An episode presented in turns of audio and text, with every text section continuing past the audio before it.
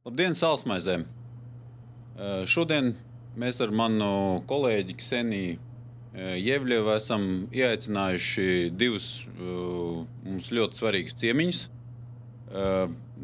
Ziniet, kā šajos trakajos laikos ir ļoti svarīgi atrasties starp ekonomistiem, mācību spēkiem, Eiropas komisijas ekspertiem, Latvijas bankas augststāvošiem ekspertiem. Un, nu, ziniet, tā drošāka sajūta uzreiz ir. Nav tā, nav tā, tā bezpalīdzīgā neziņa, kas bieži vien mūs pārņem pēdējā laikā.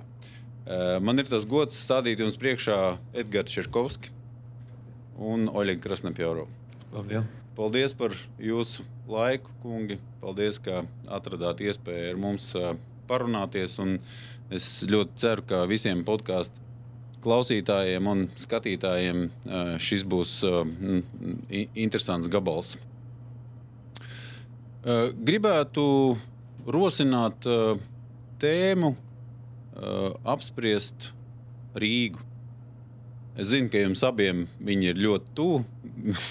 daudz, daudz darījuši, lai, lai mums tulkotu, skaidrotu ciparus, kas ar mums notiek, kā mēs izskatāmies un kas ir tas, ko mēs varam sagaidīt tuvākā, vidējā vai ilgākā nākotnē. Un, uh, kāpēc, kāpēc mums radās doma par šo parunāties? Ksenija apkopoja datus, ko mums Eurostat kārtīgi nodrošina, teikt, kas ir noticis ar mūsu eh, mājokļu tirgu pēdējā desmitgadē. Un, šie dati mani apstulbināja. Izrādās, pēdējos desmit gados, neskatoties uz to, ka mājokļu cenas kāpj dušīgi, īres cenas stāv uz vietas, stagnē kaut kas nav rītīgi, jo mūsu kaimiņos, gan Igaunijā, gan Lietuvā, nu, viņiem ir, ir trakns kāpums. Tikpat liels, cik mājokļu cenu pieaugums. Un tas berzēja acis vairākas reizes, kratīja to, to, to monitoru, bet nu, tiešām nu, tagnē. Un izskatās, ka samaitājies ir īres tirgus Rīgā.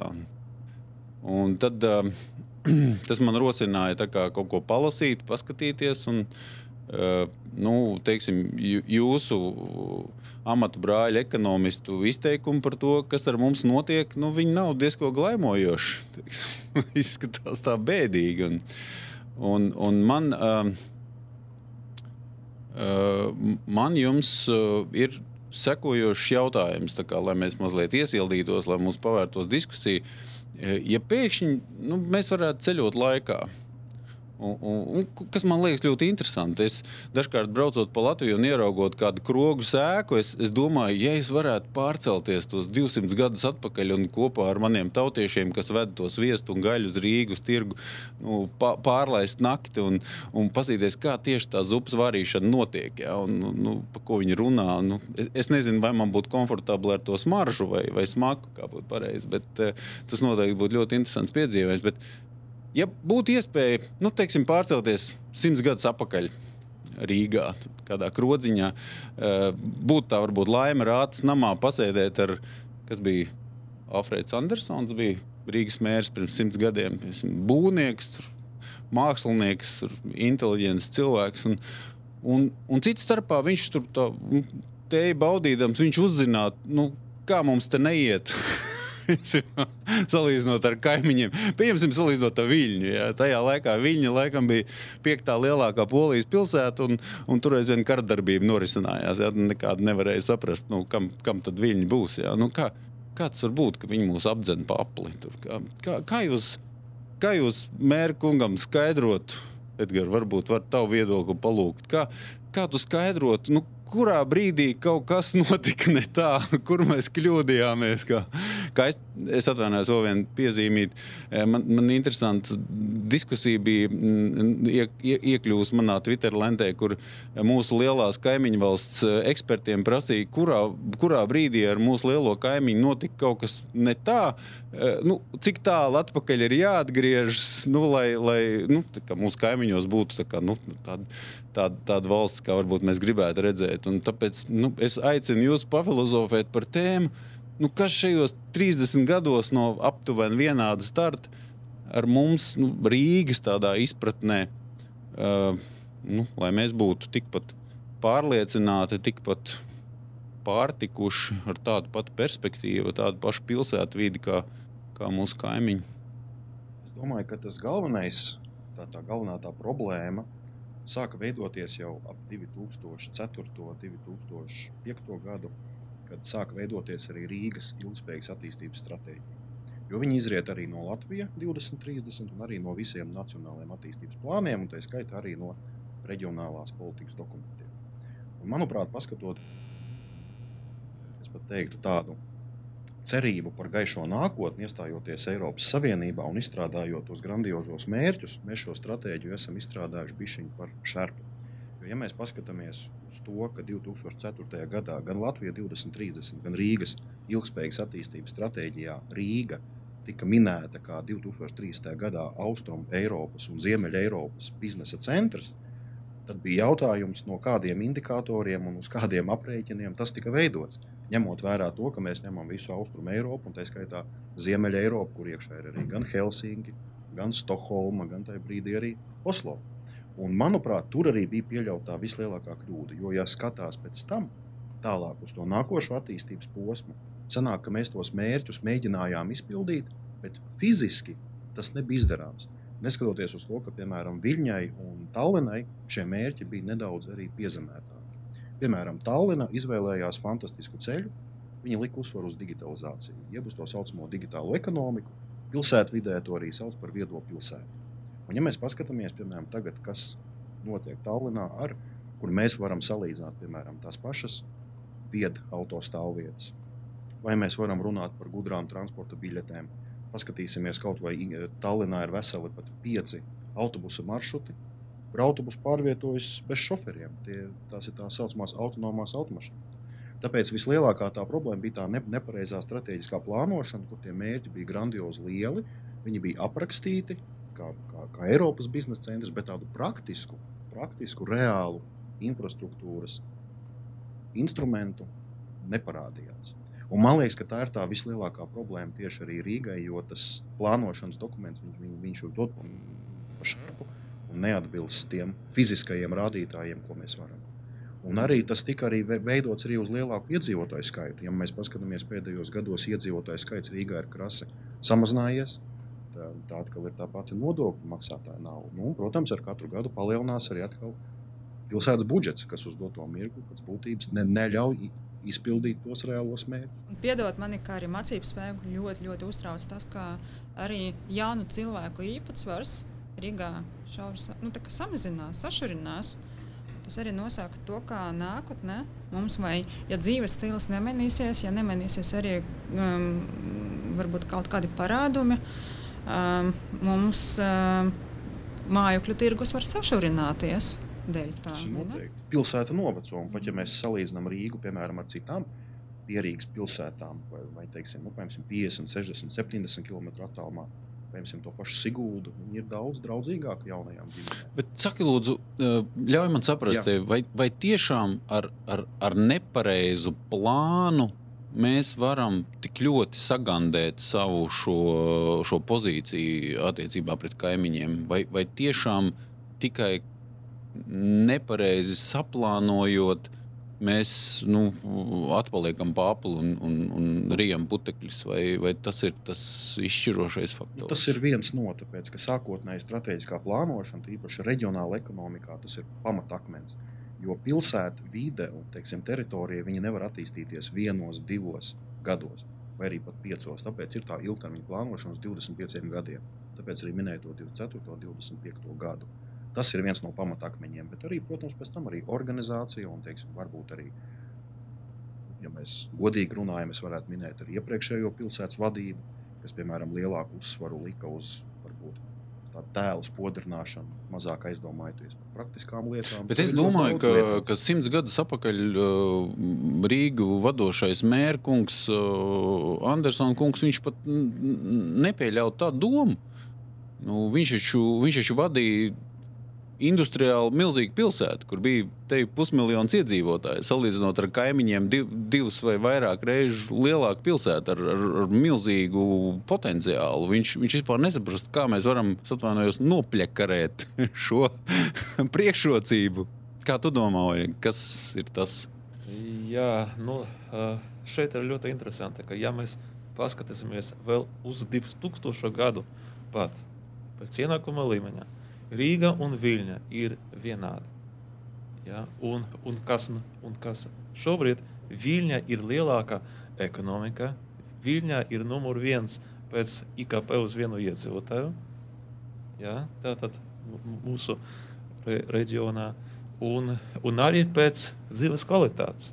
Patiešām tur dzīves kvalitāte uzlabojas daudz ātrāk nekā Rīgā. Un, un, un mūsu plaisa starp, starp Rīgu un Viļņu ar laiku turpina augt. Un pat ja šodien mēs izstrādāsim uh, izcilu stratēģiju, plānošanas dokumentu, šodien mums liksies, ka šī stratēģija, stratēģija ir izcila. Man ir jautājums, kas to īstenos un kā to īstenos. Un varbūt atkal uh, mēs ar jums pēc 20 gadiem šeit uh, būsim tajā pašā studijā ar tiem pašiem secinājumiem, ka uh, gribējam, kā labāk, izstrādājam foršu stratēģiju, bet atkal nekā nav. Bet atvaino man, es tomēr būšu uzstājīgs. Nu, iedomājies, es simts gadus atpakaļ to aizceļot laikā, un, un Andersona kungs, to būtu prasīt, nu, bet, bet, Oļek, bet kurā brīdī aizgāja greizi? Nu, 30 gadus jums bija faktiski vienāds starts, jā, vienāda iespēja. Tu saki, pat 2000. gadā bija salīdzinoši līdzīgas pozīcijas. Kur mēs kļūdījāmies? Uh, pat šeit nav iespējams uh, kaut ko tādu uh, mums izdalīt atsevišķu laika posmu, kad notika šis pavērsiens. Šī, uh, šī atpaliecība uh, sākot no 2000. gada kaut kā bija katru gadu par 1-2% gadā, ja mēs runājam par iekšzemes koproduktu. Ja? 1-2% uh, vienu gadu mēs to va varam vienkārši nepievērst ne, nekādu uzmanību. Arī otru gadu, trešo gadu, pēc tam, pēc diviem gadiem mēs skatāmies, wow, ir milzīga plaisa. Kas to nosaka? Šausmas. Bet, bet, bet, tā vienmēr ir, tā, ka, ka tā ir ilgtermiņa uh, ekonomikas attīstība. Tas notiek ilgtermiņā. Ja? Un, un, un mūsu attīstības tempi uh, Rīga un Viļņa. Rīga attīstās ar ātrumu 6% gadā, kas ir ļoti daudz, pat salīdzinot ar Latvijas reģioniem, citiem ar Eiropas Savienības ekonomiku kopumā 6% gadā izcili. Bet Viļņā attīstās ar ātrumu 7% gadā. 1% punkts, kas ilgtermiņā ir mums dos būtisku atšķirību. Tu, tu gribi man teikt, ka ja mēs tagad nu, paliktu dusmīgi un, un, un uz, uztaisītu, kā viņi saucās, parlamentārā izmeklēšanas komisija, ja? un mēģinātu nokonstatēt, kas aizgāja greizi un kurš ir vainīgs, tad, tad beigtos bez rezultātu. Mēs nu, neatrastu, kas mums to 1% atšķirību ir, ir, ir nodrošinājis. Uh, tur ir ļoti daudz, kas iekšā. Uh, Tā ir skaitā arī dzīves kvalitāte. Dzīves kvalitāte no vienas puses, jo augstāks ir ienākuma līmenis, ekonomiskā izaugsme no tā uzlabojas dzīves kvalitāte. Bet no otras puses, ja ir švaka dzīves kvalitāte, tad jaunie cilvēki brauc prom un nav arī ekonomiskās izaugsmes. Un tas ir tieši tas, ko mēs redzam tagad.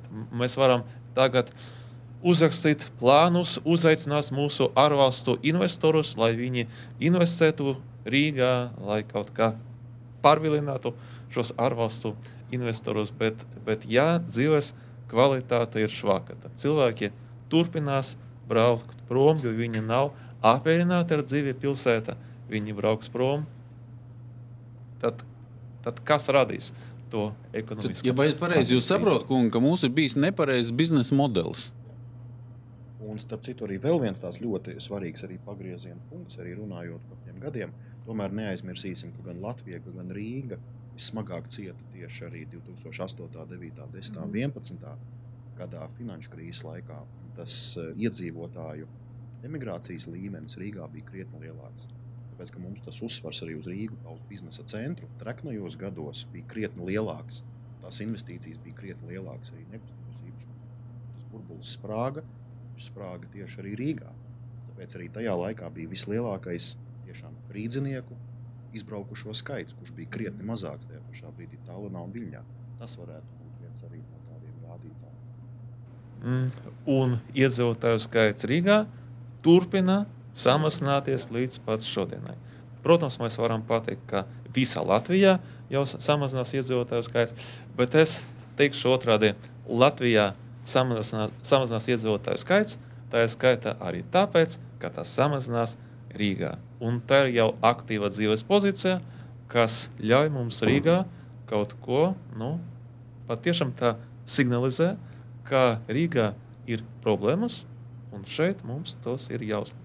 Vai es pareizi saprotu, ka mēs varam lielā mērā vainot burbuli uh, un, un burbuļu sekas uh, savā atpalicībā no kaimiņiem? Burbuļu sekas varam vainot, uh, bet, piemēram, vēl uh, 2012. gads pēc vides kvalitātes Rīga ir numur viens starp Baltijas valstu galvaspilsētām. Šodien mēs atpaliekam pat pēc vides kvalitātes. Jā, tā, tā šis uh, nav tā viens tikai faktors, kas noteica mm. visu šī atpalicība katru gadu par vienu procentu punktu, bet šī atpalicība turpinās. Uh, saki, lūdzu, ja tagad nu, tev piemēram, uz mēnesi uzlikt mērķēdi, piemēram, nu, pateikt, nu, tev, kā, kā cilvēkam, kas ir ļoti iedziļinājies, eh, tu varētu noraksturot, kas būtu tās trīs lietas, ko tu Nu, Iedomājieties, ka mums ir autoritārisms. Tev nav jādabū 60 deputātu piekrišana kaut kam, ja? ko tu, tu, un tev pat būtu budžets tam. Ja? Kas būtu tas, ko tu piedāvātu mainīt Rīgā? Uh, Tūlīt, jā. tagad. Tas, ko mēs varam patiešām mainīt ātri, tā ir dzīves kvalitāte. Jā. Kādas tieši jomās iedzīvotāju drošība un uzticība viens otram, jo šobrīd rīznieki nejūtas pilsētā droši un tāpēc arī neusticas viens otram. Un, ja neusticas, tas, tas bremzē uzņēmējdarbību un nav arī ekonomiskas attīstības. Tas ir svarīgi. Viens. Pilsētas pārvaldībā, kā to redz pilsētas iedzīvotāji. Pilsētas iedzīvotāji ir ļoti kritiski par tieši Rīgas, kā Rīga tiek pārvaldīta. Ja? Otrs. Un, un vide dzīvošanai.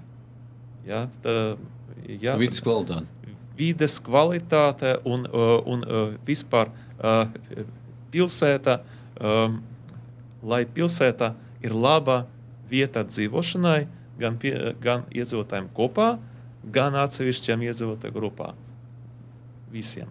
Eh, un, ja mēs runājam par ekonomikas attīstību, tā, protams, ir tāda ļoti ilgtermiņa. Ja? Tātad, uh, viena gada laikā mēs tur varam nu, no 6% uz 8%, ja tas izdosies vienā gada laikā, fantastiski labi.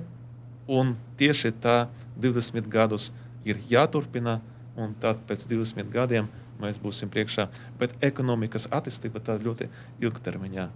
Šobrīd drošība, vide, pilsētas pārvaldība. Edgar, ko tu darītu? Kā tu izmantotu mērķēdi, kas tev ir uz mēnesi ar, ar budžetu neierobežotu? Es domāju, ka ar mēnesi būtu pamaz, lai vispār izveidotu to ilgtermiņu plānu. Jo es atkal padomātu par to strateģisko domāšanu, bet, bet pilnīgi pareizi. Es pirmkārt sāktu risināt ļoti svarīgo jautājumu ar Rīgas mikrorajoniem, kas uz doto mirkli ir salīdzinoši liela problēma, ja mēs atkal salīdzinām ar Viļņu un Tallinu. Es padomātu, kā tos vairāk padarītu modernākus un padomātu par to, kā to izveidot ģimenēm draudzīgāk.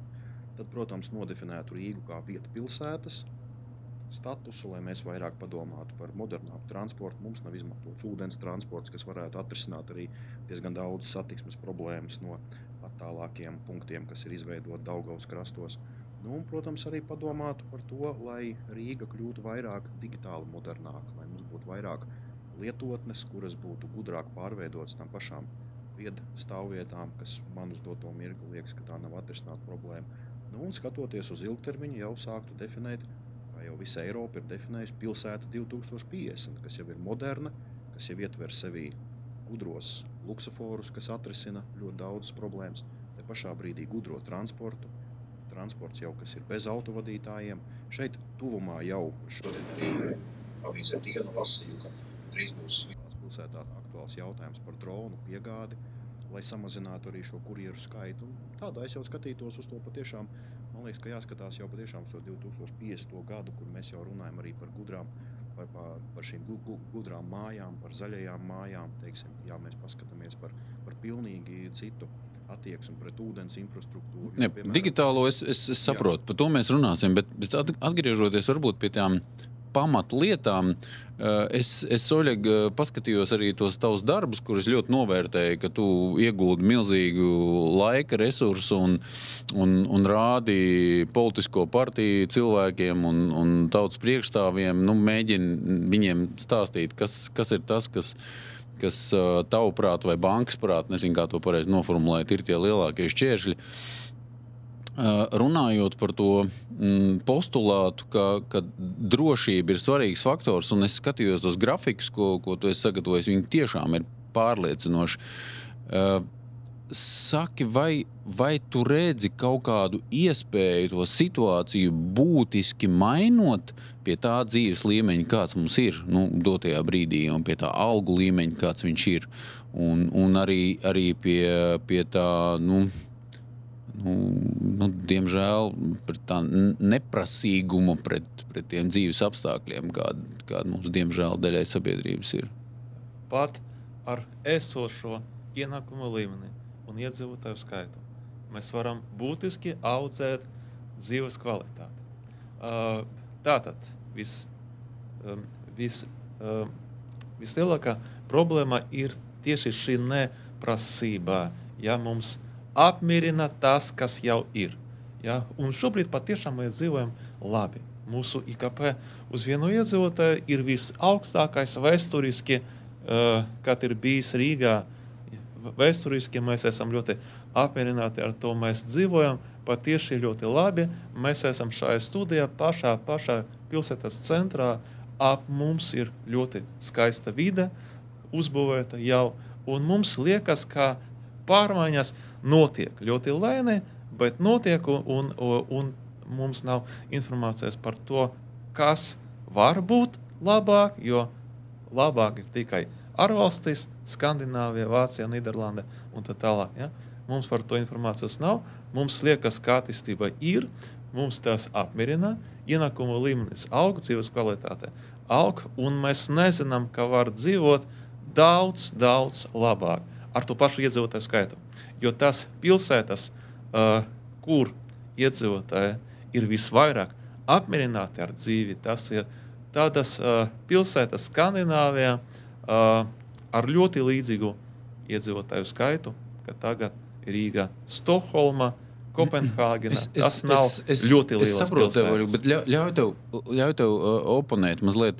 Man dzīves dzīvē bija posms, kad, kad man piederēja mm, nekustamā īpašuma apsaimniekošanas uzņēmums. Mums bija gandrīz 200 daudz dzīvokļu mājas apsaimniekošanas portfelī. Un, un, protams, ka absolūtais vairākums bija nerenovētas, nesiltinātas. Nu, nu, kādas, ir, kā, kādas no mums ir nā, nākušas mantojumā no iepriekšējās iekārtas. Un, un es atceros, ka mani kolēģi bija paņēmuši līdzi uz, uz iedzīvotāju sapulci, kurā, kurā nu, mēs aģitējām, nu, kā, nu, kad re, kur ir iespēja nu, tagad renovēsim, siltināsim.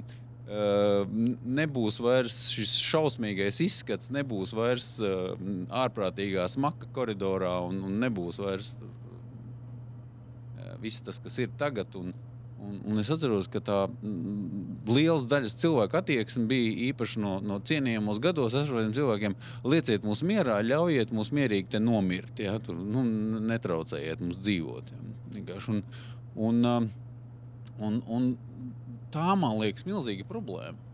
Kā, kā nu, mēs varam sapņot par, par skaistu vidi un, un drošu vidi un tā tālāk. Bet, uh, kā, kā tikt ārā no tās nolemtības, kurā nu, daļa sabiedrības tagad, tagad ir? Kā, kā to izkustināt? Ir tieši problēma par neusticību viens otram.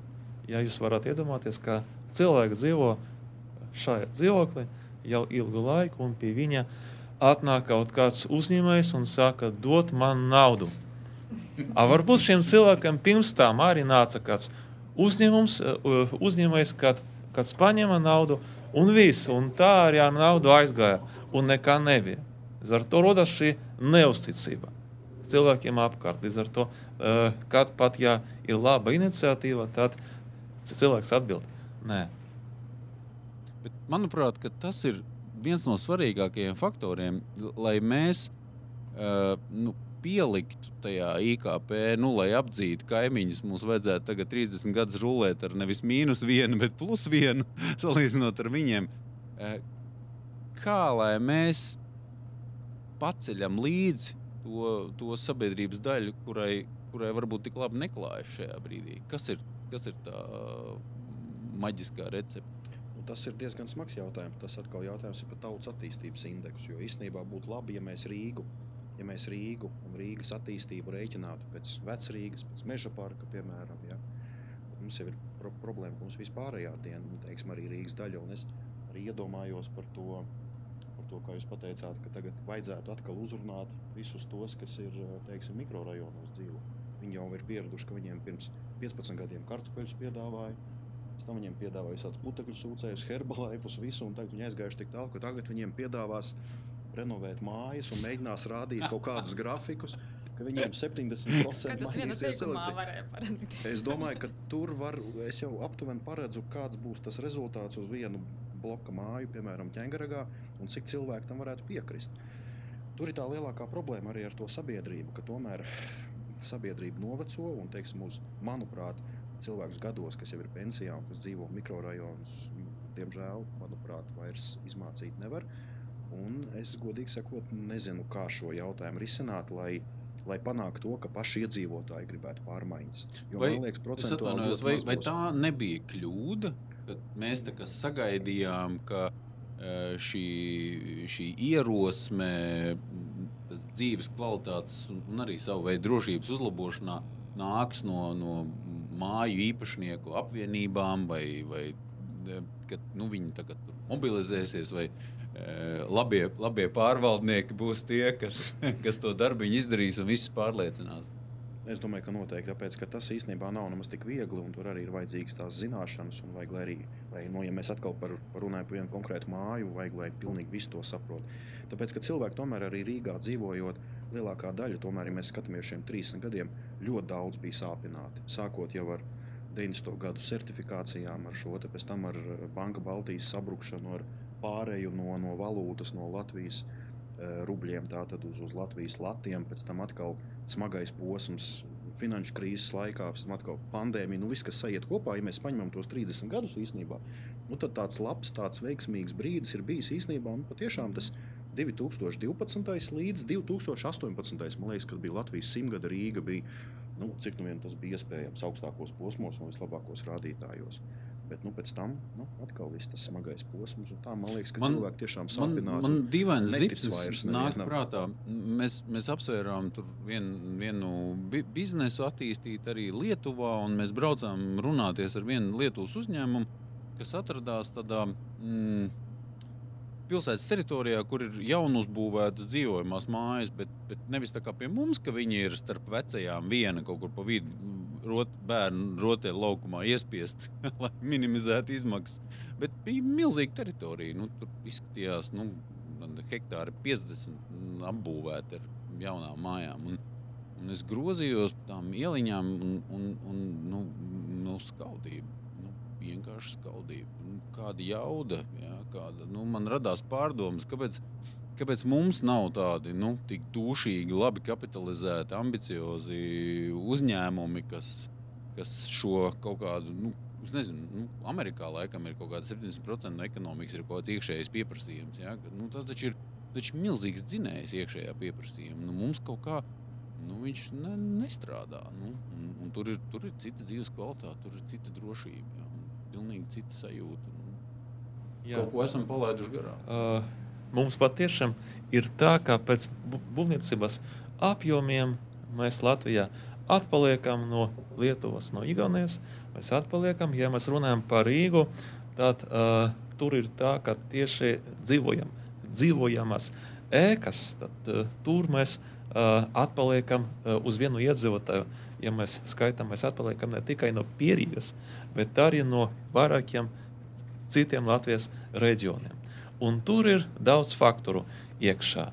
Pirmais, tāpēc, ka uzbūvēt kaut ko Rīgā, uh, ir grūti. Šis process būvniecības atļaujas, visa tā certifikācija, tas, tas, tas ir liel, lielākas izmaksas nekā citās pilsētās, un tas, tas ir ļoti ilgi. Tas ir viens faktors. Otrs faktors ir, protams, rīznieku, rīznieku pieprasījums. Mēs varam tur uzbūvēt patiešām, pati, patiešām ļoti kaut ko ļoti labu, bet kas to nopirks, ja ienākumi ir tādi, kādi viņi ir. Ja, jo, šobrīd, jo šobrīd daudziem rīzniekiem ir grūti apmaksāt ik mēneša rēķinus, ik, ik mēneša komunāl, komunālos maksājumus. Ja, pat ar to grūtības ir. Uh, neskatoties uz to, ka, ka tā vidēja platība nav liela, jā, bet tomēr ir grūtība atmaksāt tos ik mēneša rēķinus. Un tad, ja mēs uzbūvējam vēl liel, lielāku platību, kam vajag šo platību, iedzīvotāju skaits taču samazinās. Rīgā mēs uzbūvējam, un tagad mēs ceram, ka visi rīznieki pie mums, pie mums radīs pieprasījumu uz tām dzīvojamām ēkām. Pieprasījuma nav.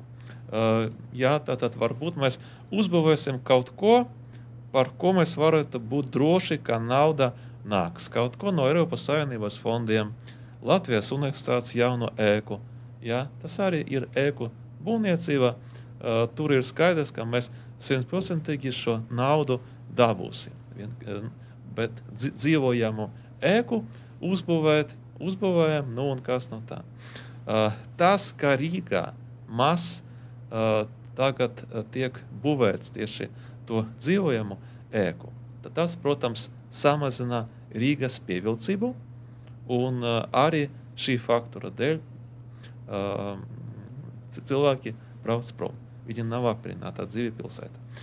Bet arī tas, ka no otras puses, tas, ka cilvēki brauc prom, tas mazina pieprasījumu pēc labām dzīvojamām ēkām tas ir aburtais lokus, un kā uh, to, kā no tā iziet prom, tas ir grūti. Mēs, mēs pēdējā laikā uh, vērojam to, ka jaunā vara cenšas draudzēties ar, ar šiem uh, vidas kvalitātes postulētājiem, cenšas pozicionēt sevi, ka viņi ir atvērti visādiem priekšlikumiem un tā tālāk. Bet nu, man nerodas tā sajūta, ka, ka mums kaut kā tā ļoti izdodas. Man nav. Es kaut kā biju savā prātā iztēlojies pilnīgi citu progresu.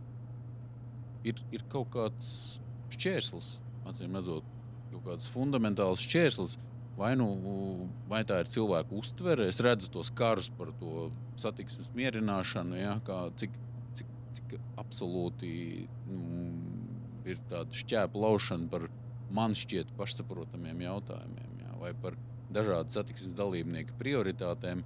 Eh, vai, vai mēs neesam iekūlušies kaut kādā tādā cīņā, kur, kur varbūt būtu tur, nezinu, psihologiem tur jāizveic, nevis, nevis politiķiem. Tur.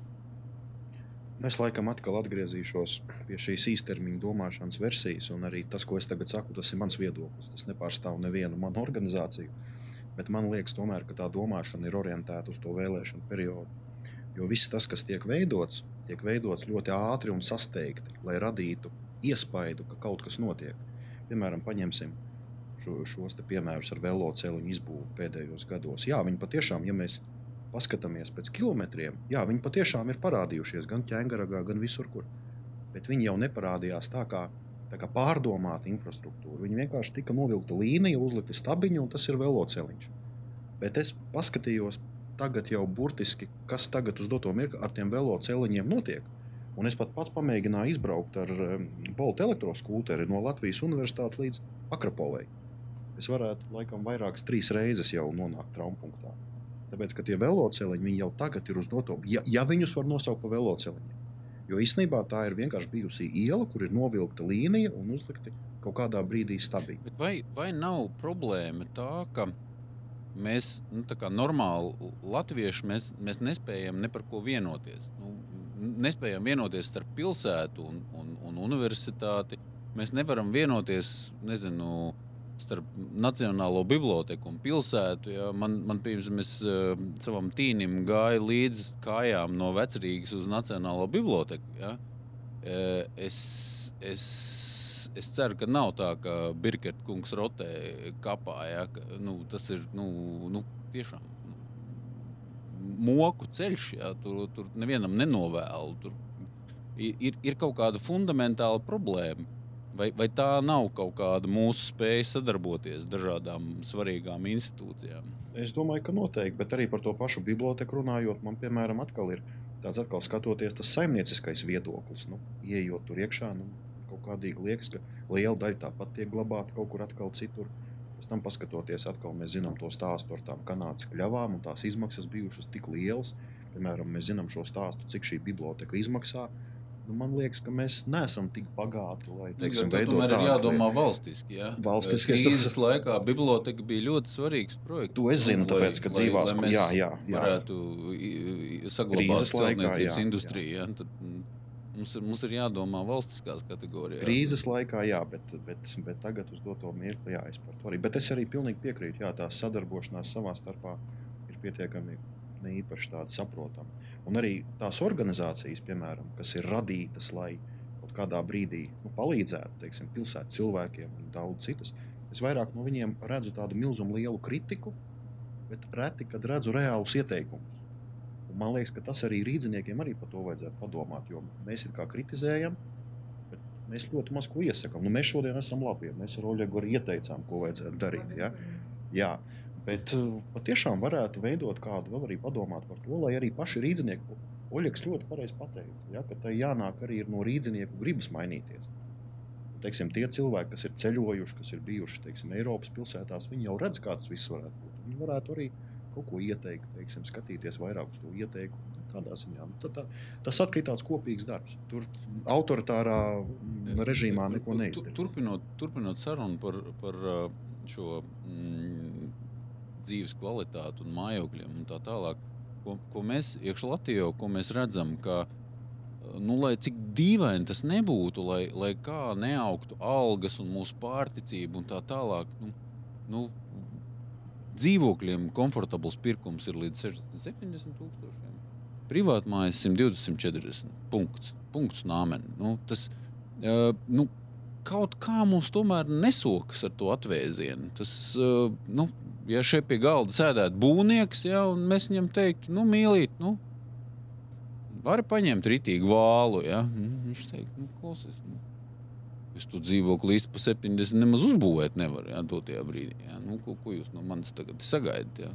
Nu, vai piemēram tāds kārtīgs tur. Nu, tu, Saurupmājas šis būvnieks, ja, ja mēs viņam pateiktu, nu, uztais man saurupmāju par 120 tūkstošiem, tā lai te var paliek pāri. Nu, viņš uzbūvētu dārza mājiņu noteikti. Nu, nu, ir, ir, ir, ir ir kaut kāda fundamentāla problēma pirktspējas pusē. Fundamentāla problēma. Un, un, uh, un, diemžēl arī ar šo kaimiņiem veids labāk. Diemžēl. Nu, pa, pa, par, par to, ja mēs runājam IKP uz vienu iedzīvotāju, jā, mēs atpaliekam no Igaunijas un Lietuvas, bet ne tik daudz kā pēc dzīves kvalitātes. Jā, pēc piemēram, pēc drošības, uzticības viens otram, vides apkārtējas. Par, to, par to, vai mēs uzskatām, ka pilsēta ir laba vieta dzīvošanai, tur patiešām mēs atpaliekam daudz. Tā kā šeit ienākuma līmenis tas ir tikai viens no faktoriem, un droši tur vēl kaut kas. Man, kāpēc es to saistu kopā? Man nav ilūziju, ka mēs to padomju mantojumu uzķūnēsim. Man nav lielu ilūziju, ka mēs šo, šos, šos eh, kā mēs te saucam, viņus mikrorajonus, ka mēs viņus padarīsim skaistus, košus un ziedošus. Es tomēr drīzāk redzu to, ka mēs atradīsim kaut kādu veidu, kā Um, kā ļautiem attīstītājiem būvēt jaunus mājokļus, jaunas teritorijas ar pilnīgi citu dzīves kvalitāti un pilnīgi citu izpratni par drošību un, un, un vidas kvalitāti. Un, un, un es tomēr gribētu cerēt, ka mēs to padomu mantojumu šķūrēsim nost drīzāk. Un, un tāpēc tas ir svarīgi. Tas attīstītājs, viņš, viņš īsti ar, ar, ar, ar šo pirktspēju, viņš īsti nevar ieskrieties viņš diemžēl nu, ir, ir šīs lietas ir ļoti saistītas. Nu, tā ir, diemžēl tā ir liga. Tas, nu, Ksenija tur neļaus man samalot. Vēl, vēl gadu atpakaļ, vēl 1500 eiro vai divus gadus atpakaļ, 1500 eiro jaunam projektam par kvadrātmetru skaitījās ļoti, ļoti, ļoti labi cena. Jā, tagad par 2000 knapi var atrast. Tā kā, nu, diem, diemžēl, ja, tur, nu, katru reizi, kad, kad kaimiņi tur Viļņas vai Tallinas attīstītāji tur atbrauc lūkoties kaut kādu iespēju, ja, tad, tad nu, tā, tā nērtības sajūta mazliet ir, kad viņi stāsta par tām cenām par to pirktspēju, ja, kas, kas ir tur. Kā, man šķiet, ka tomēr tās ir saistītas lietas. Tā mūsu attīstītāju spēja nu, arī no tirgus teikt, nodrošinātājiem attīstīt un piedāvāt jaunus mājokļus. Tas, tas ir ļoti izšķirīgi svarīgi dzīves kvalitātei un, un, un, un videi, nu, par ko tu runā.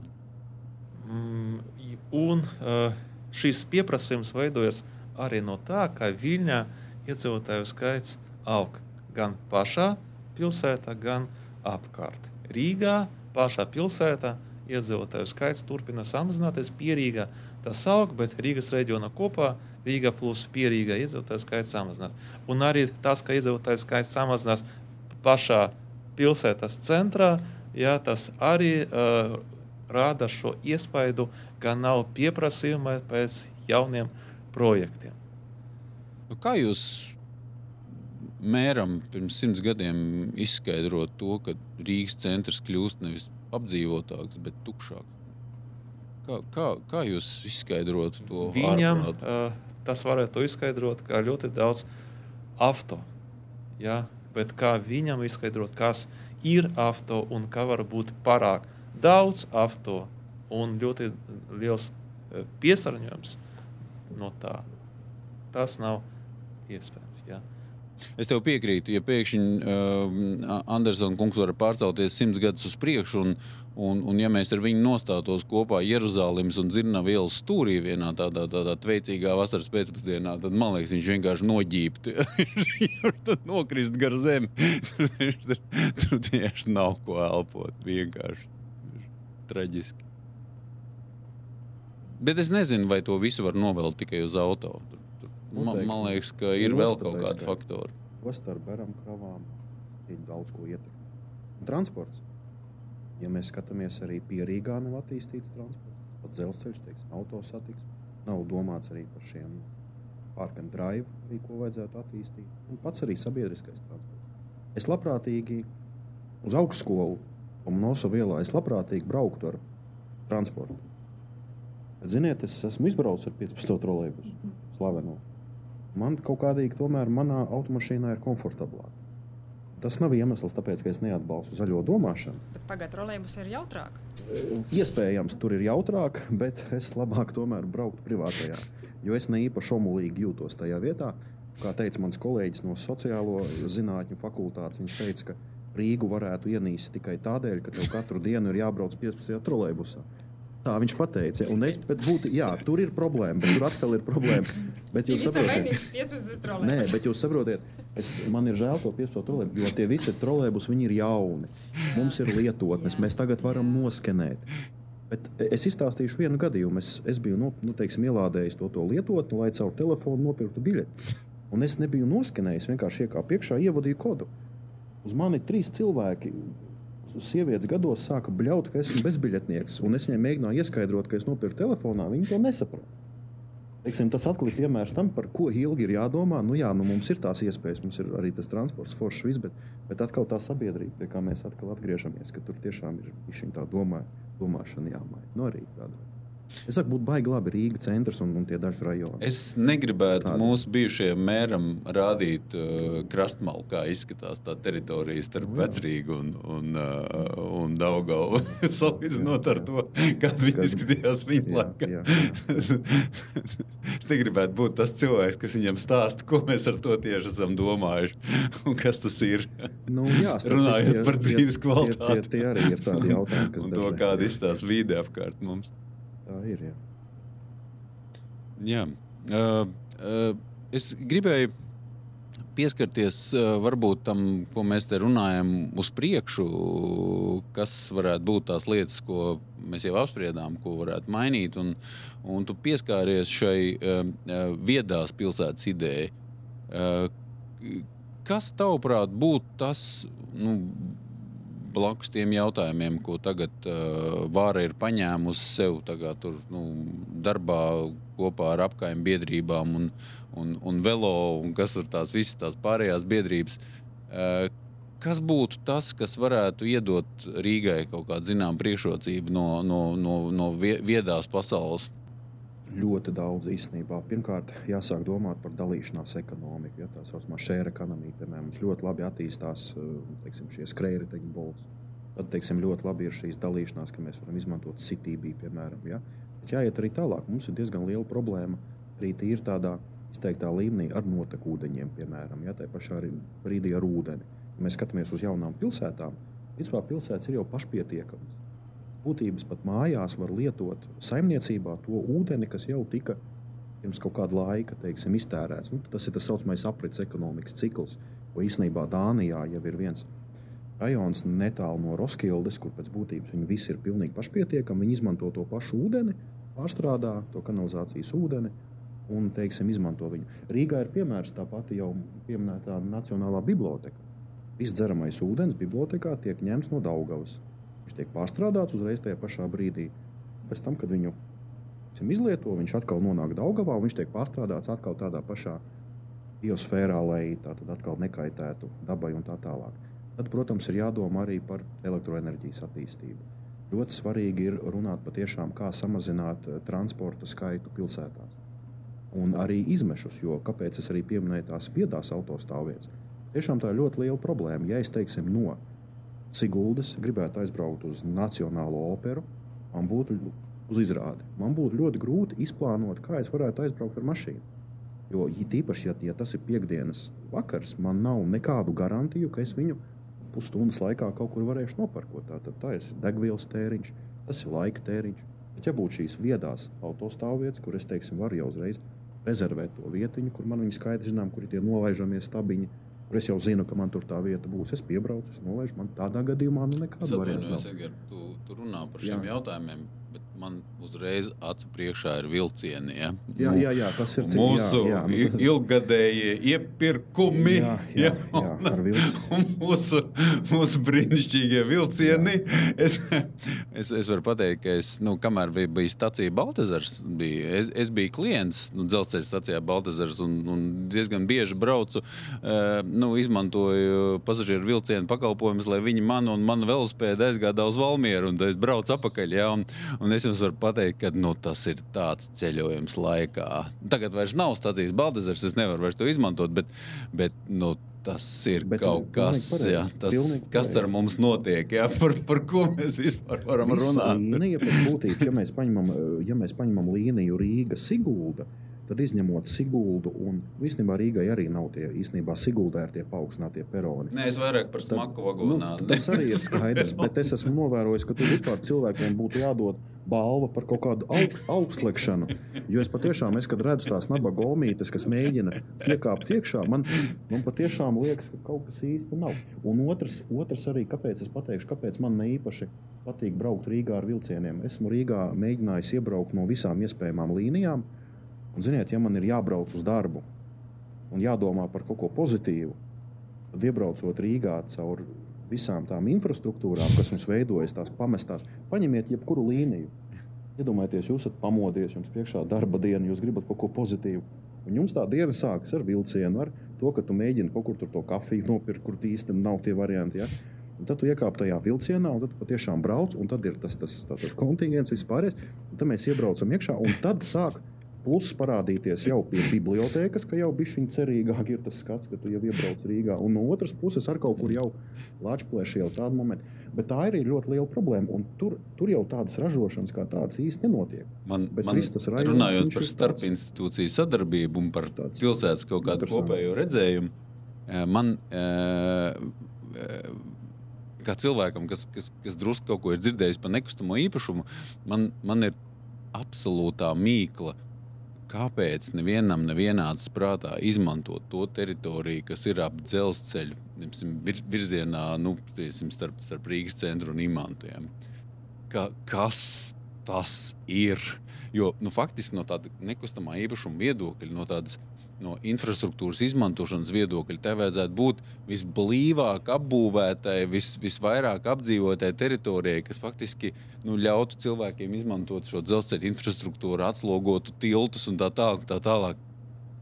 Nekā tāda. Un tas faktiski ir visos virzienos. Jā. Tas, ir, tas faktiski man liek domāt, ka tā līga ir, ka, ka ir, ir nu, totālā sadarbošanās problēma starp, starp Rīgu, kā mūsu flagmani un, un kaut kādām citām, tur nezinu, kas tur satiksmes ministrijas, kaut kādas tur institūcijas vai, vai um, kas tur to teritoriju izmanto. Tas, tā, ir, nu, tā ir milzīga problēma, manuprāt, nu, runājot par to um, dzelzceļa izmantošanu. Tā ir. Nu, jā, nu es par to esmu domājis. Es teiksim, savulaik kādu laiku mācījos un strādāju mm, Dānijā. Un, teiksim, no, no, un dzīvoju Roskildē un braucot uz Kopenhāgenu. Tie bija 40 km vilcieni. Tie bija kaut kādi, nu, laikam, 20 minūtes. Ja?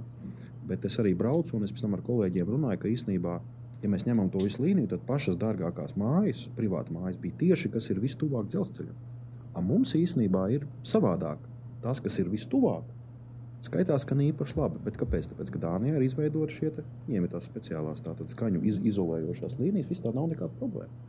Un izējā ārā te uzreiz ir, mēs atkal runājam par infrastruktūru tas vi, viņiem, teiksim, Dānijā un arī daudz kur citur, vilcienu satiksme ir izveidota tā, ka tas patiešām tev atvieglo dzīvi. Jo, ja mēs, piemēram, paņemam iebraukšanu Rīgā ar automašīnām, tas arī nav nemaz tik viegli, tīpaši mēs pīķi stundās un, un, un visu un katru dienu, un tas arī diezgan nogurdinoši. Bet, ja mēs ja, ja, ja teiksim, atkal sa, sa, sadarbībā ar šo Rīgas mm, tātad, attīstības plānu un, un ar satiksmes ministriju varētu izveidot infrastruktūru, es labprātīgi brauktu ar, ar, ar labprātīgi brauktu ar vilcienu. Jo, ja es dzīvoju Siguldā, man no Siguldas līdz Rīgai, ka, kas tiešajā līnijā īstenībā ir kaut kādi 40 km, man sanāk vairāk. Man, man, man ir tāda sajūta, varbūt situācija ir mainījusies, bet man ir tāda sajūta, ka uh, satiksmes ministrijā Rīgas doma sadarbojas tikpat daudz, cik Amerikas valsts departaments ar Ziemeļkoreju. Nu, līdzīgā līmenī tā sadarbība varētu notikt. Šeit mums atkal ir jāpamācās no Viļņas un, un Tallinas, no arī gan no Igaunijas, gan, gan Lietuvas kopā ņemot. Ja nešaubos, viņa pēdējo padomju laikā ražoto vilcienu nomainīja 2014. gadā. Un tas tā, tas atkal, nu, tas runājot, jautājums. runājot par, um, par šo, nu, teiksim, par to mm, pārvaldes kvalitāti, ja, teiksim, nu, ko, ko tu redzi kā, kā milzīgu jautājumu. Man, um, man pirms gadiem, desmit vai patsmit, bija kaut kas noticis ar galvu.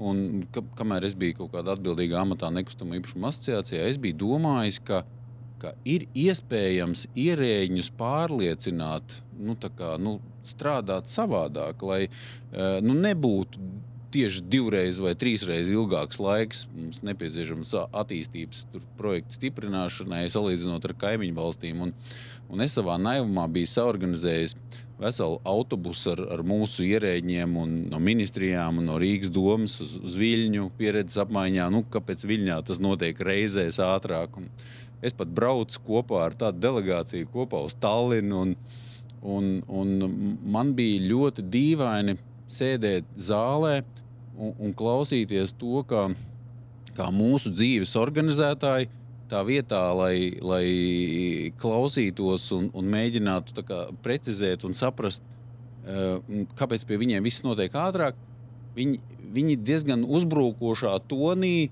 mēģināja Igaunu ierēģiem parādīt, ko viņi dara nepareizi. Jā, tas, tas, tas, tas man lika uzdot jautājumu, Šīn, ko tu te dari? Ja? Kas ir tas? Un, un, un, nu, tas, tas, tas diezgan, diezgan kā, nu, demotivējoši. Ja? Tā, kā, nu, tā, tā, tā mūsu tā sit, sistēma ar šīm daudzajām administratīvajām barjerām, ar tāda sajūta, ka mums aizvien, pirms 30 gadus pēc neatkarības atgūšanas, ir kaut kādi lēņi, tur, nu, cilvēki ir labi iekārtojušies un, un, un piemēram, tur, kārto savas lietas. Nu, nu, viņa, viņa ir kā, nu, traucēklis milzīgs attīstībai. Es, es neredzu, nu, kā, vai, vai pieņemsim mērķi ķēdi tev uz nedēļu vai uz mēnesi, ļautu to visu izsvēpēt. Ja. Uh, manuprāt, šis uzlabojums Latvijā tomēr ir. Jā, tas ir lēnāk, uh, nekā kaut kur citur, kā Lietuvā, piemēram, Igaunijā. Uh, bet uzlabojums ir, protams, mums, uh, mums gribētos, lai būtu ātrāk. Bet tas, ko mēs varam izdarīt, un uh, tieši tas, ar ko mēs šobrīd nodarbojamies, ir, lai Latvijas sabiedrībā būtu šis pieprasījums. Lai uh, patiešām pieprasījums uzlabot dzīves kvalitāti pilsētā. Lai, būtu uh, gan iedzīvotāju skaits Rīgā augtu, gan būtu arī spēcīga e ekonomiskā attīstība. Jo, jo, ja mēs paskatīsimies, kādi jautājumi Latvijas sabiedrībai ir interesanti. Ja? Uh, bez maksas sabiedriskais transports, bet tā nav izēja, jo bez maksas uh, sabiedriskais transports vēl dos mums vēl lielākas problēmas ar drošību. Ja? Vai uh, sociālie pabalsti tas ir laba un svarīga lieta, bet uz to nevar uzbūvēt ekonomisku attīstību. Ja, un, un jo, um, ja mēs uh, patiešām uh, veidosim šo priekšstatu, ka lai pilsēta attīstītos, tad patiešām ir, tad šī ir tā attīstība. Ja, un, un ja Latvijas sabiedrība to sapratīs, tad viņi pieprasīs arī no Rīgas domas, no valdības, lai būtu šī attīstība. Es, es vienu lietiņu es gribēju pateikt, ka man, man, ir, man ir bijis tas gods pazīt nevienu Rīgas mēru, un atceros sarunu pirms kaut kāda laika ar vienu no, no viņiem. Un, uz manu čīkstēšanu par to, ka tie attīstības jautājumi nav prioritāšu listas augšdaļā, nu, man tika norādīts, ka Edgars, ar šiem jautājumiem vēlēšanas vinnēt nevar. nevar ja? kā, kā mainīt šo, šo attieksmi, ka, ka taisni būtu tā, ka ar attīstības jautājumiem, vidas jautājumiem, drošības jautājumiem var vinnēt vēlēšanas? To nav iespējams izmainīt vienas dienas laikā. Tas tikai lēni var izmainīties. Uh, bet progress tomēr ir. Ja mēs salīdzinām ar to, kas bija pirms desmit gadiem, pēc tās globālās finanšu krīzes, kur patiešām ienākumi bija zemi un patiešām bija ļoti aktuāli šie dzīvokļu rindas vēl no 90. gadiem, sociālie, uh, sociālie pabalsti. Šobrīd jau pilsētas attīstības jautājumi dienas kārtībā ir augstāki. Jā, pārmaiņas sabiedriskajā domāšanā notiek lēnāk nekā vajadzētu, nekā mums gribētos. Bet, uh, bet tomēr uzlabojums ir šeit. Mēs esam stundu runājuši. Uh, varbūt ir kaut kādi jautājumi, ko, ko mēs neesam aizskāruši. Varbūt ir kaut kādas lietas, kas ir izrunāšanas vērtas mūsu mēģinājumā radīt pieprasījumu pēc. Man tieši šis jautājums ir. Man liekas, ka šis ir virmo gaisā. Uh, mēs visu laiku runājam par to, kā iedzīvotājiem, Rīgas iedzīvotājiem ir jāpaliek prasīgākiem. Tad kā mums panākt to, lai viņi būtu prasīgāki? Mēs varam gaidīt mēsiju, kas atnāks un iemācīs Rīgas iedzīvotājiem, ka viņi var prasīt šo. Ja? Bet, ja mēs nesagadīsim, tad ko mēs darīsim? Vai mums nav jāiet cauri izglītošanu, varbūt caur mācību spēkiem? Kas... Noteikti, noteikti, bet izglītība atkal es pilnīgi piekrītu Oļegam, attīstība notiek. Viņa notiek lēnāk, bet salīdzinoši tas, ko Rīga piedāvā Tagad, ja salīdzina ar to laiku, kad, kad es mācījos, tīpaši uz jauniešu izglītošanu, tas ir fantastiski. Mums ir diezgan spēcīga, ar katru gadu spēcīgāk paliek Rīgas skolēnu doma. Mm -hmm. Projekti, atspēriens, horizons ir iespēja piedāvāt savas idejas. Achievement Latvija, kur jaunieši piedāvā savas idejas. Tas patiešām ir eh, novērtēšanas vērts. Bet, ja mēs skatāmies, nu, tas pagaidām ir tādā, tādā nu, bērna stadijā tiešām jāpieiet ļoti lielam laikam. Tā kā, ja mēs attīstīsimies šādā te pašā tempā, mēs sasniegsim to attīstību ilgtermiņā. Bet tas nenotiks tik ātri, kā to dara atkal Tallina un Viļņa. Un kur rodas tā bēda? Investori. Viņi jau skatās un novērtē. Teiksim, ja viņi paņem Baltiju un ja viņi redz, ka tā attīstība Tallinā un Viļņā ir ir ātrāka visās jomās, viņi izvēlēsies tās pilsētas. Jo mēs jau skatāmies, mēs, mēs jau skatāmies principā kaut kādu pievilcīgu tirgu. Tur jau tā pēta ir. Ka varbūt tagad pagaidām nu, tas arī traucē arī investoriem izvēlēties. Jo, jo daudz patiešām izvēlas. Ja mēs paskatāmies, daudz investoru tiešām izvēlas Tallinu. Viņš ir pievilcīgāk. Ir tādās. Jautājums ir, kurā brīdī mēs atkal kļūsim pievilcīgāki. Vai mēs visu laiku atpaliksim, vai mēs kaut kādā brīdī spēsim apiet. Bet, ja mēs ejam tādos tempos, tad, tad, tad, tad tā apiešana var nenotikt. Tādā ziņā. Bet par to, par to, ka mēs par izglītību runājam, es esmu pilnīgi par to, ko dara Rīgas skolas un ar saviem projektiem. Un, ja mēs paskatāmies arī attiecībā uz pilsētvidas uzlabošanu, tad patiešām notiek ļoti daudz labas idejas. Īpaši tās idejas, kur var caur atspērienu, caur Rīgā ir biznesa inkubators, neaizmirsīsim. Radošo industriju biznesa inkubators. Mums ir radošie kvartāli, Tas ir ļoti daudz. Ja, ja, ja mēs pareiķinām, es teiksim, pat, pat kad es studēju, tādas iespējas nebija. Tā kā pēc būtības mēs varam cerēt, ka šajos radošajos kvartālos, ka šajos eh, rajonos, kur uzturas spēcīgs vidusslānis, tas pats teikas, teiksim, eh, teikums, kur veidojas vidusslānis un vidējais bizness, ja tas tā turpināsies, tad tas ilgtermiņā varētu dot ļoti labu rezultātu.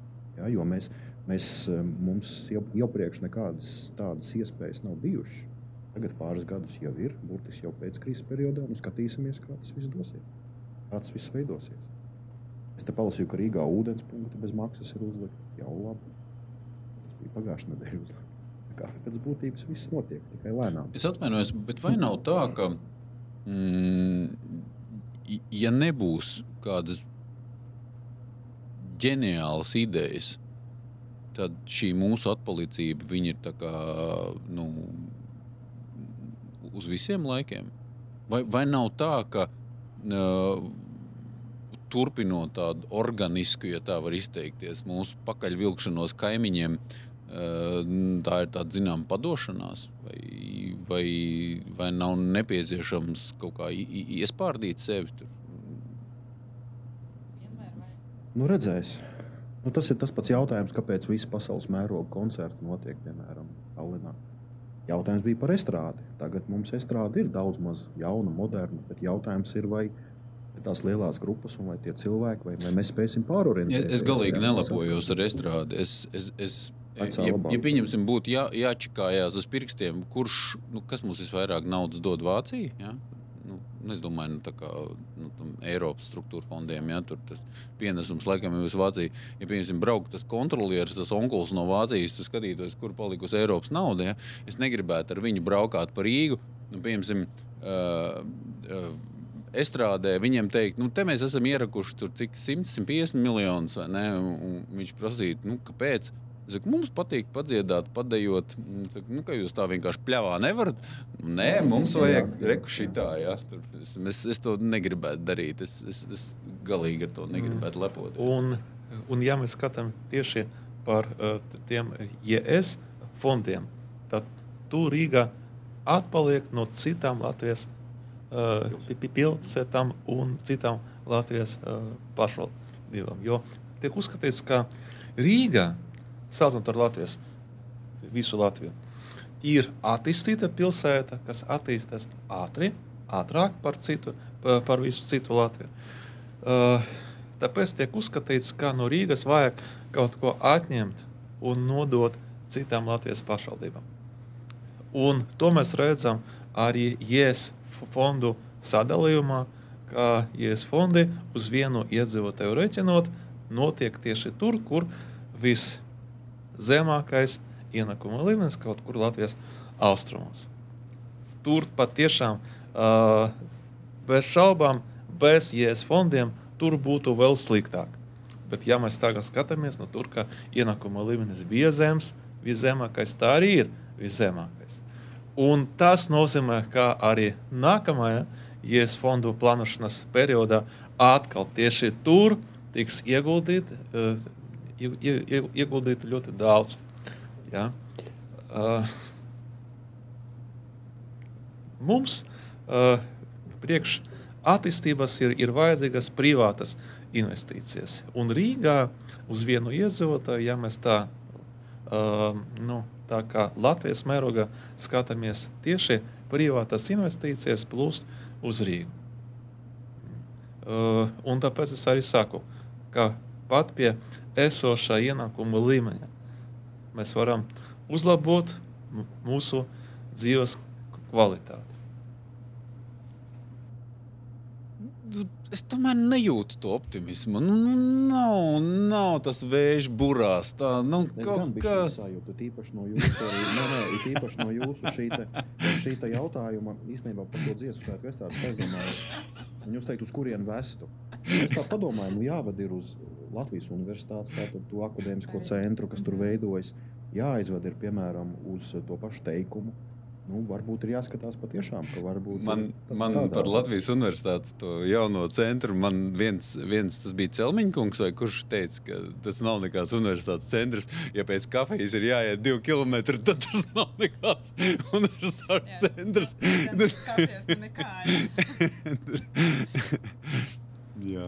Uh, bet tad, tad Bet tas par Latvijas universitātei ir skaidrs, ka tur vēl nekas īsti nav uzbūvēts. Tur būs vēl, uh, vēl daudz vairāk uzbūvēts, un tieši tad uh, visa tā pakalpojumu ekonomika ap to centru uh, ļoti strauji attīstīsies. Un, tad, un tas ir atkarīgs arī no attīstītājiem. Lai tur tieši bū, būtu ap Latvijas universitātei uh, ļoti, lab, ļoti labas uh, dzīvojamas ēkas. Tā varētu būt īstenībā interesanta ideja. Uh, uzaicināt ciemos uz salsmaizi attīstītājus, kas ir strādājuši Latvijā pēdējos 30 gados. nē, nē, bez arhitekta. Un, un pamēģināt, nu, patīcināt viņus, nu, kāpēc nav, uh, kāpēc nav šī ši, šo jaudīgo, labi kapitalizēto attīstītāju? Kāpēc, kāpēc ir tā, ka brauc lietuvieši un igauni uz mūsu tirgu nosmelt krējumiņu ja, un, un mm. paņem to treknumiņu un, un atstāt mums tās sēnās? Kas, kas tā ir par līgu, kas, kas tā ir uh, problēma? Tas būtu interesanti laikam. Es domāju, jā. Tāpēc, ka tādas diskusijas patiešām vērtas, lai vairāk profesionāli cilvēki. Tiek, nu, ne visu laikam varēs stāstīt. Ne, nu, ne visu, bet nu, kaut ko. Jā, varbūt vēl pēdējais kāds uh, apsvērums vai uh, faktors, ko, ko varētu noslēdzot tādu finālu domu. Man īstenībā patika arī šodienas sākuma diskusija par tiem simts gadiem iepriekš, un vēl vēsturiski paskatīties, ka Rīga tomēr gan Hanzas pilsēta, gan vēsturiski bija ļoti attīstīta pilsēta. Un, ja mēs paņemam, teiksim, Orberga laikus un, un, un tā industriālā būvniecība, un vienmēr arī skatoties uz ulmaņa laikiem, piemēram, man vienmēr bija tas jautājums, nu, kā mēs toreiz bez Eiropas fondiem un bez daudz kā tik daudz īstenībā uzbūvējām. Ja? Un tagad, kad šie Eiropas fondi ir, tomēr salīdzinoši nu, varbūt arī izskatās, ka tā attīstība ir nedaudz mazāka. Man liekas, ka būtu ļoti interesants tiešām tāds plaša mēroga pētījums, lai papētītu, kā Rīga attīstījās savos pirmsākumos, Anzas pilsētas laikos, un tad varbūt nu, izvirzīt kaut kādu veidu priekšlikumus, kā to varētu. Jo vēsturiski Rīga tiešām ir skaista pilsēta, un ja mēs skatāmies, piemēram, vēl kalpus un visu, man dažreiz patiešām uz to visu aizsardzības spēju un visu, kāds ir aprakstīts, un uz to tirzniecību un uz ostu, tad tur vienmēr bija liks mil, mil, milzuma liels uzsvars uz saimniekošanu. Nu, jā, kaut kādā brīdī mēs nevaram teikt, ka tas ir pazudis, bet tomēr mēs no tiem laikiem mācīties varētu, kad Rīga tomēr bija nu, visas Eiropas, Austrum Eiropas centrs. Ja? Nu, tagad tas ir pazudis. Tā kā mans ieteikums ir, nu, ja tas ir iespējams, papētīt. Un es domāju, arī vēsturniekiem, vēsturniekiem, ekonomistiem būtu ļoti interesants pētījums. Un tas, un tas arī veidot mums tādu patriotismu. Jo īstenībā Rīga tiešām vēsturiski zin, tā ir savulaik bijusi ļoti spēcīga.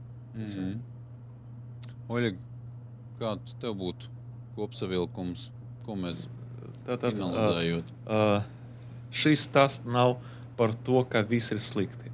Jā, jā, jā. Mēs Rīgu, mēs- mēs Rīgu, Rīgu jā. mēs salīdzinām ar vislabākām pilsētām pasaulē. Ar Skandināviju, Vāciju un Nīderlandi. Tur dzīvo bagātākie un laimīgākie cilvēki pasaulē. Mēs esam ļoti tuvu tiem geogrāfiski. Mhm. Ja, tāpēc ir jautājums, viņi, uh, viņi jau varēja, viņi jau izdomāja, kā to sasniegt. Mēs vēl neizdomājam, bet mēs tagad visi domājam par to. Un ar kādu lai, uh, pēc kāda laika mēs noteikti to visu sasniegsim. Uh, Un tāds pats uh, šis uzstādījums, ka mēs salīdzinām sevi ar vislabākām Skandināvijas pilsētām, nevis ar PSRS pilsētām vai kādām citām pilsētām, vai vispār mēs runājam par attīstību, nevis par krīzi un izdzīvošanu. Tad ir skaidrs, ka nekādas attīstības nav, jo visas mūsu domas ir tikai kā izdzīvot šodien. Bet mēs esam apmierināti ar, ar, ar to Rīgas līmeni, kas šobrīd ir. Un mēs, uh, un, un mēs redzam, ka lūk, mums ir attīstības iespējas. Tas Skandināvija atrodas pavisam tuvu, kā viņiem tas izdevās. Mēs arī gribam. Jā, Eh, paldies, Oļeg. Paldies, Edgars.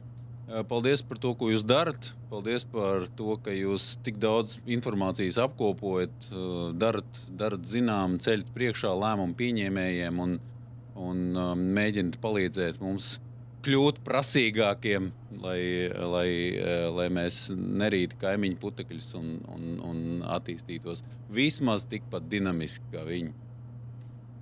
Paldies, kā noklausījāties, ja noklausījāties, un uz saredzēšanos nākamajos podkāstos.